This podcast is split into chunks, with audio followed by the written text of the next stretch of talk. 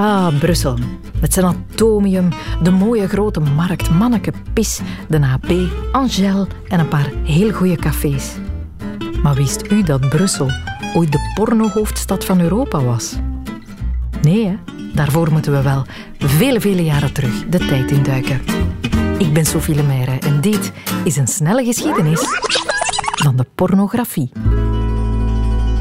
Pornografie, dat is afgeleid van twee Griekse woorden. Eén, het eerste woord porno, afgeleid van het Griekse woord voor prostituee. En dan grafie, schrijven, schrijven over. Aanvankelijk ging het dus eigenlijk werd met het woord eigenlijk bedoeld uh, boeken die gaan over prostituees. Je hoort Leon Janssens, historicus, onderzoeker aan de KU Leuven. Pornografie was in oorsprong een geleerde term die men gebruikte in de academische wereld. De erotische beschrijvingen van toen waren voorbehouden voor wie boeken had en ze kon lezen, wat toen nog geen evidentie was.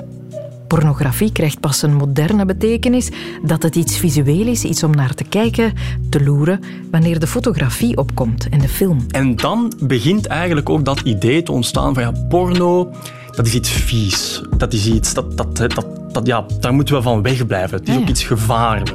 En het is dat ook, die visualisering en de uitvinding van de fotografie, die dat gevaar ook veel groter maakt. Want ineens moet niemand nog kunnen lezen om porno te kunnen consumeren kinderen, vrouwen, de arbeidersklasse krijgen ineens allemaal toegang tot vieze prentjes. In combinatie met het feit dat die vieze prentjes ook nog eens in hele grote hoeveelheden kunnen worden gemaakt. Dat raakt ook heel sterk vermengd met allerlei debatten over degeneratie. Het idee dat mensen aan het degenereren waren alcoholisme, prostitutie, allerlei grote sociale vraagstukken. En porno is daar één deel van.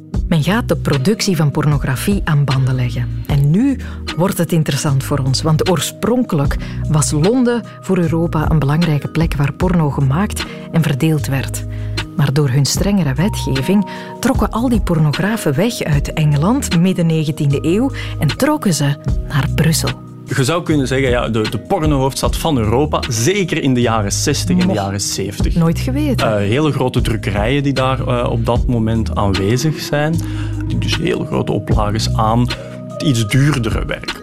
En wij maar denken dat Manneke Pis de grootste ondeugd van onze hoofdstad was. Niet dus.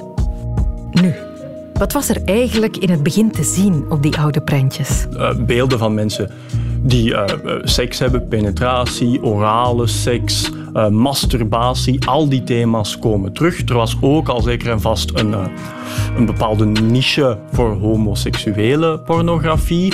Een soort van algemene vaststelling is wel dat het heel duidelijk gemaakt werd voor een mannelijk publiek. Wat we dan met een andere vraag ook brengen, van, werd het ook alleen geconsumeerd door een mannelijk publiek? Het lijkt me vrij onwaarschijnlijk dat dat, dat, dat het mhm. geval zou zijn geweest. Het is ook zo dat die angst op het einde van de 19e eeuw ook heel duidelijk zich endt op het idee van ja, maar uw vrouw, die kan ook die prentjes gaan bekijken. Stel je dat voor. En dan zien we eigenlijk in 1911 ook de eerste keer echt een, een soort van internationaal congres tegen de verspreiding van pornografie. Wordt ondertekend door België, Frankrijk, Engeland, de Verenigde Staten.